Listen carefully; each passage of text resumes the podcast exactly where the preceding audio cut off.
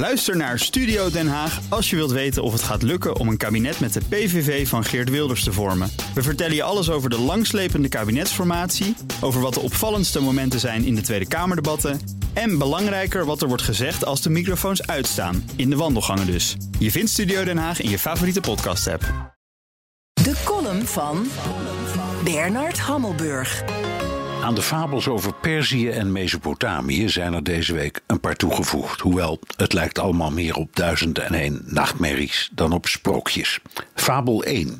De Iraanse roverhoofdman Soleimani was een volksheld. De rouwende miljoenenmenigte bij zijn begrafenis met de wenende opper Ayatollah Khamenei in de hoofdrol was knap geregisseerd, maar de Iraniërs zijn niet gek. Er zijn ook miljoenen die denken van die met geld smijtende megalomaan zijn we af. Fabel 2. Amerika en de anti-IS-coalitie blijven in Irak. Echt niet. Westerse politici blijven elkaar wijsmaken dat Irak ons nog nodig heeft, maar Duitsland en het Verenigd Koninkrijk zijn realistisch. Zij zijn begonnen met het onvermijdelijke terugtrekking van hun troepen. De rest gaat volgen. Fabel 3. We zijn bondgenoten van Irak. Dat denkt een enkele naïeve westerse politicus misschien nog, maar de Sjiïtische Iraakse meerderheid ziet ons als bezetters. Dat komt door het misverstand dat Irak één land is. Fabel 4. Irak is één land.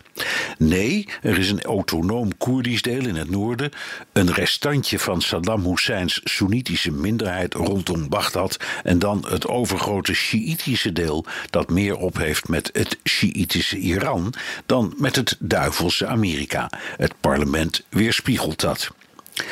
Fabel 5.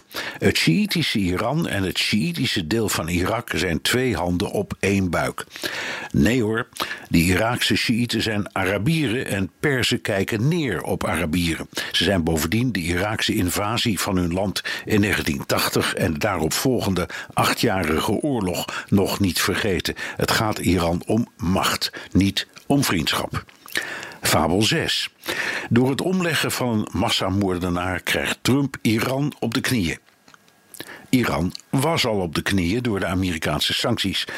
Maar de filialen van de Republikeinse gardes in Syrië, Irak, Libanon en Gaza voelen zich juist gesterkt. Fabel 7. Bondgenoten Saoedi-Arabië en Israël zijn Trump heel dankbaar. Vergeet het maar. Heel stoer, die moert op de roverhoofdman. Maar de tienduizenden raketten van Hezbollah en de Jemenitische Houthis, gericht op Israël en Saoedi-Arabië, staan nu op scherp. Dus tel uit je winst. Een moordenaar vermoorden, daar heeft Trump geen moeite mee. Maar om terug te komen op die duizend en één nachtmerries, hij krijgt Aladdin niet meer in de fles. Columnist Bernard Hammelburg. Terugluisteren? Ga naar bnr.nl of de BNR-app. En daar vindt u ook alle podcasts. Bij BNR ben je altijd als eerste op de hoogte van het laatste nieuws. Luister dagelijks live via internet. Bas van Werven. En heel langzaam komt de zon op rond dit tijdstip. Je krijgt inzicht in de dag die komt op BNR, het Binnenhof in Nederland en de rest van de wereld. De Ochtendspits. Voor de beste start van je werkdag. Blijf scherp en mis niets.